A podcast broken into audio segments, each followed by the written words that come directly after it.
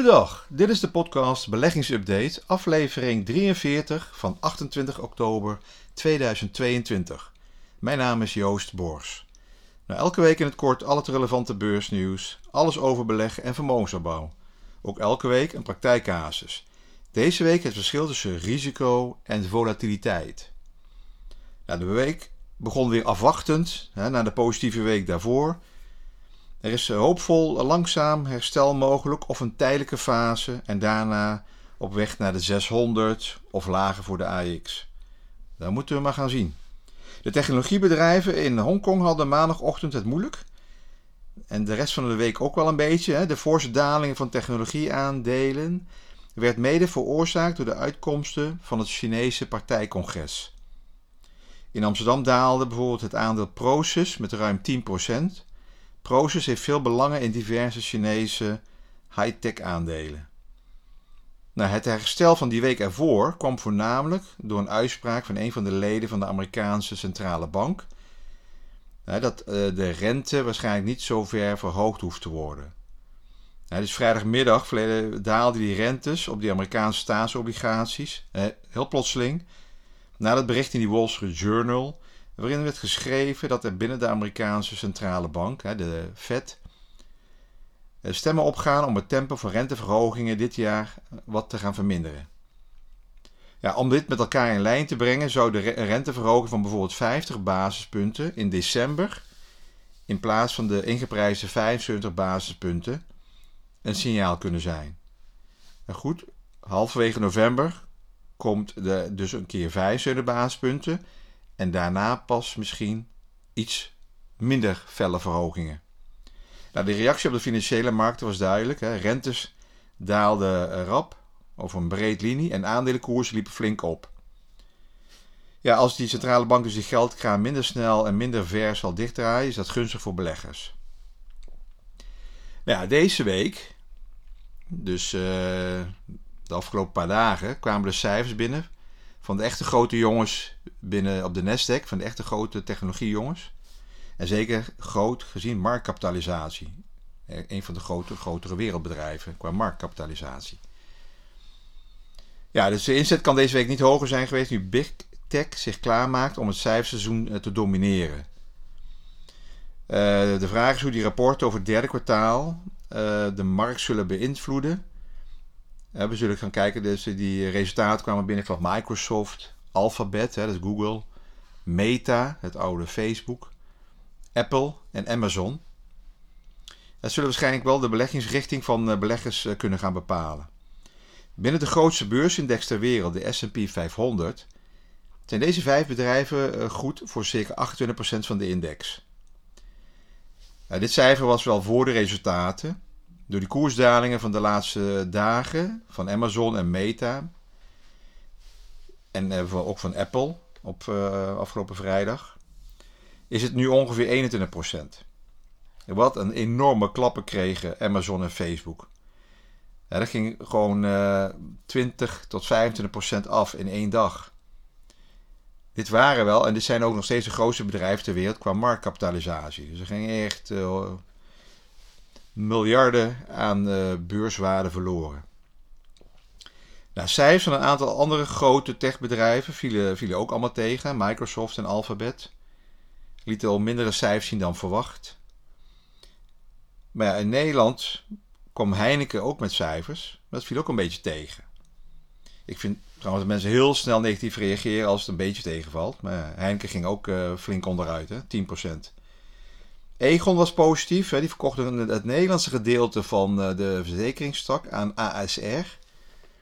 Egon haalt wel de meeste winst en omzet uit Amerika. Dus uh, eigenlijk is het een soort win-win situatie voor beide partijen. Voor ASR is school, uh, belangrijk, want die zijn alleen maar in Nederland actief bijna. Dus die partijen waren er allebei blij mee. En ook de beurskoersen gingen allebei zo'n 6% omhoog. Nou, Shell en Unilever kwamen ook met een market update, derde kwartaal update. En die doen het ook goed. Ja, vooral Unilever is een, uh, toch wel een rust in deze woelige beurstijden. De koers is uh, toch dit jaar redelijk stabiel gebleven als je kijkt met al het andere geweld om hun heen ja, voor dit soort bedrijven Unilever, zoals die historie altijd aangeeft, zijn dit zijn voedingsbedrijven, in bijna alle tijden defensief. Hè. Ze gaan niet spectaculair hard omhoog, maar ze dalen ook niet spectaculair als het tegen zit. Dus het is altijd een gematigde groei of stabiele koersontwikkeling. Nou, ik heb zelf donderdagavond nog even, dacht van nou even snel wat kopen in Facebook, in Meta. Rond de 99 op die koersdaling was toen ongeveer zo'n 22 procent. Ik dacht even gedurende de avond tijdens het voetbal kijken wat, wat te verdienen. Als aandeel waarschijnlijk, dacht gedurende de avond ook nog even zo herstellen 103. Kan toch even zo'n 4 dollar meepakken. Ja, maar dat gebeurde niet. De koers daalde verder naar 97. Eh, dus nu wordt het toch wel een lange termijn belegging. Maar ja, als je gaat kijken, die uh, Facebook, dus uh, Meta, is dit jaar al zo'n 70% lager. 70% lager. Dus dit is dus wat je noemt volatiliteit en risico. En daar gaat mijn praktijkcasus ook over. Uh, die financiële markten maken een van de meest gecompliceerde periodes uit de recente geschiedenis door. Beleggers worstelen met de gevolgen van Russische invasie, energiecrisis, de stijgende inflatie en rentetarieven. Alle internationale aandelenbeurzen hebben flinke verliezen geleden. Obligaties, die traditioneel als een veilige haven worden beschouwd, voorheen in de historie als de beurzen daalden, de aandelen, dan ging het kapitaal ging richting sparen en obligaties. Dus obligaties bleven altijd wel wat stabiel liggen. Maar ja, nu de obligaties uh, tot aan januari rond de nul zaten en de rente gaat stijgen, ja, dan gaan die koersen van die obligaties flink achteruit. Bijvoorbeeld de Morningstar Eurozone uh, bondindex, obligatieindex, verloor dit jaar ongeveer zo'n 15% van zijn waarde. Nou, ik ken obligatiebeleggingsfondsen uh, die 25% in waarde zijn gedaald. Dus voor het eerst sinds 1994 het trof de uitverkoop aandelen en obligaties tegelijkertijd. De vertrouwde neutrale portefeuille, 60-40 portefeuille, lange tijd de hoeksteen van diversificatiestrategieën, maakt, maakt een van de slechtste perioden ooit mee. Dit jaar hebben de markten ook een verhoogde volatiliteit in aandelen in twee richtingen ervaren. dat is echt zo'n bear market. Hè? Je hebt een scherpe beweging omhoog of omlaag. Tot dusver vertonen de S&P 500 in 2022 al 14 dagen met bewegingen van meer dan 2%. Alleen in 2020 was er een hogere volatiliteit te noteren. Dat geeft aan dat er mogelijk meer volatiliteit voor aandelen in het verschiet ligt. Dus hier gaat het een beetje over wat is risico en wat is volatiliteit. Als je als belegger met dit soort lastige situaties wordt geconfronteerd, is het belangrijkste en het moeilijkste om je hoofd koel te houden. Nou, dat zijn open deuren. Iedere, iedere beheerder, vermogensbeheerder, bank zal dit ook altijd tegen je zeggen als belegger. Hou je hoofd koel, blijf rustig. Nou, weten hoe om te gaan met prijsschommelingen is minstens zo belangrijk als het kiezen van de juiste belegging. Nou, eerlijk gezegd kunnen de meeste beleggers hun risicotolerantie niet objectief beoordelen. Ze voelen zich doorgaans beter bestand tegen risico's in goede tijden en worden plotseling risicomijdend na perioden van aanhoudende verliezen die ze hebben ervaren. Focussen op korte termijn bewegingen vermengt, de, vermengt uh, eigenlijk het woord risico en volatiliteit op een verkeerde manier. Dus als je op korte termijn gaat kijken, dan, dan zit je met twee dingen. Je hebt de volatiliteit en je zit met een risico. Je gaat, wat ik zei in het begin van mijn verhaal. Ik zit uh, gewoon donderdagavond te denk, oh, Facebook is hard gevallen. Min 22%. Ik koop het aandelen voor de korte termijn. Dat neem ik risico's. En dan ziet de volatiliteit. ik meng dus twee van deze dingen door elkaar. Het verschil tussen die twee eh, begrippen en het verschil tussen deze twee begrippen begrijpen en je concentreren op het eerste en niet op het tweede is de sleutelfactor om je financiële doelen te bereiken. Dus je moet je eigenlijk focussen op het risico en niet op volatiliteit. Nou ja, wat is dan het verschil tussen risico en volatiliteit? Op het eerste gezicht lijkt het onderscheid tussen risico en volatiliteit puur academisch en maakt het voor veel beleggers nauwelijks verschil. In de praktijk worden de twee termen vaak zowat door elkaar heen gebruikt in de financiële communicatie. Het is ook nog eens zo dat de term risico naar verschillende concepten kan verwijzen. Maar als belegger is het echter nuttig om een mentaal onderscheid te maken tussen bewegelijkheid, dus die volatiliteit, en risico. Wat zijn de belangrijkste verschillen? Volatiliteit geeft verandering in de prijs van een effect aan, een portefeuille of een index aan, zowel naar boven als naar beneden. Volatiliteit is daarom op zich geen slecht nieuws. Het is theoretisch mogelijk om een belegging te bezitten die zeer volatiel is, maar tot dusver slechts in één richting is gegaan, namelijk omhoog. Als je kijkt naar dingen als uh, Tesla, ASML, zijn volatiele aandelen, maar de richting was altijd maar omhoog.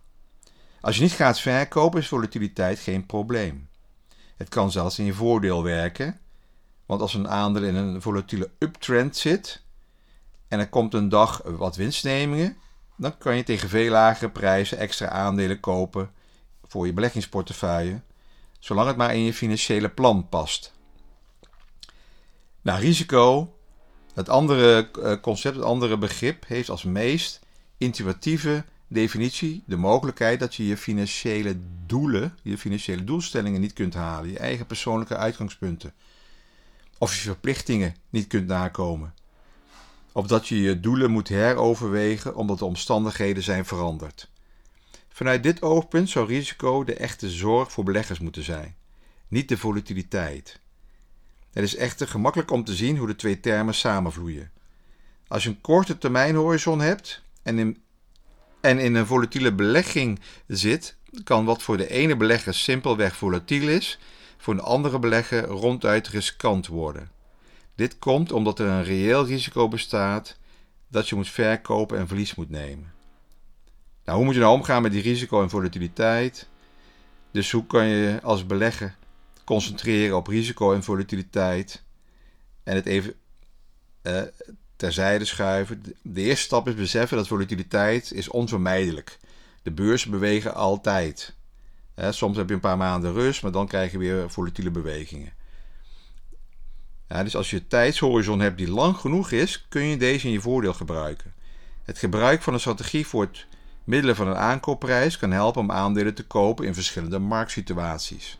Als je per kwartaal belegt, je automatisch periodiek laat geld naar je beleggingsportefeuille toestromen, dan kan volatiliteit ook in je voordeel werken.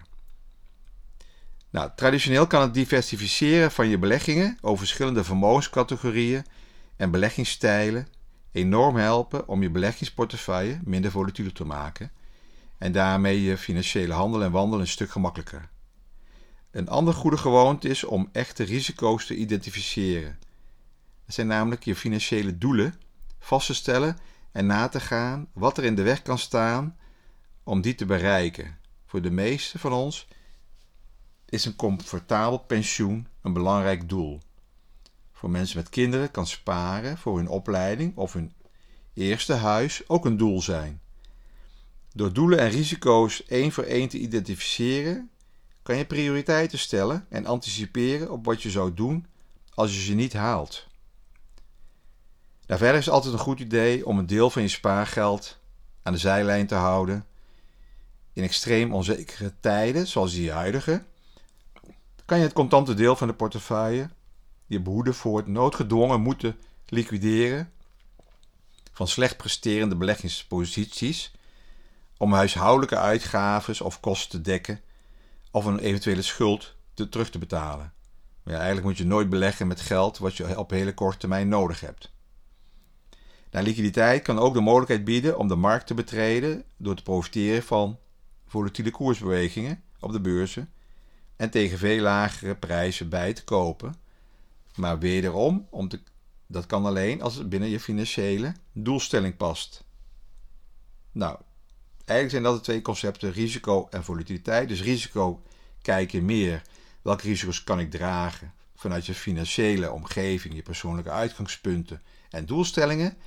En volatiliteit, daar zit ook risico in. Hè? Volatiliteit, dat zijn de heftige koersbewegingen. Daar moet je je eigenlijk dus niet zoveel van aantrekken, omdat je namelijk je risico's al in je financiële uitgangspunten hebt benoemd en hebt bepaald. Nou, dank voor het luisteren. Alles op persoonlijke titel. Geen direct advies.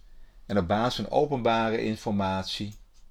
Vragen en opmerkingen kan je mij uh, altijd uh, mailen via info.beleggingsupdate.nl en dan zal ik dan ook wel beantwoorden. Nou, tot de volgende week.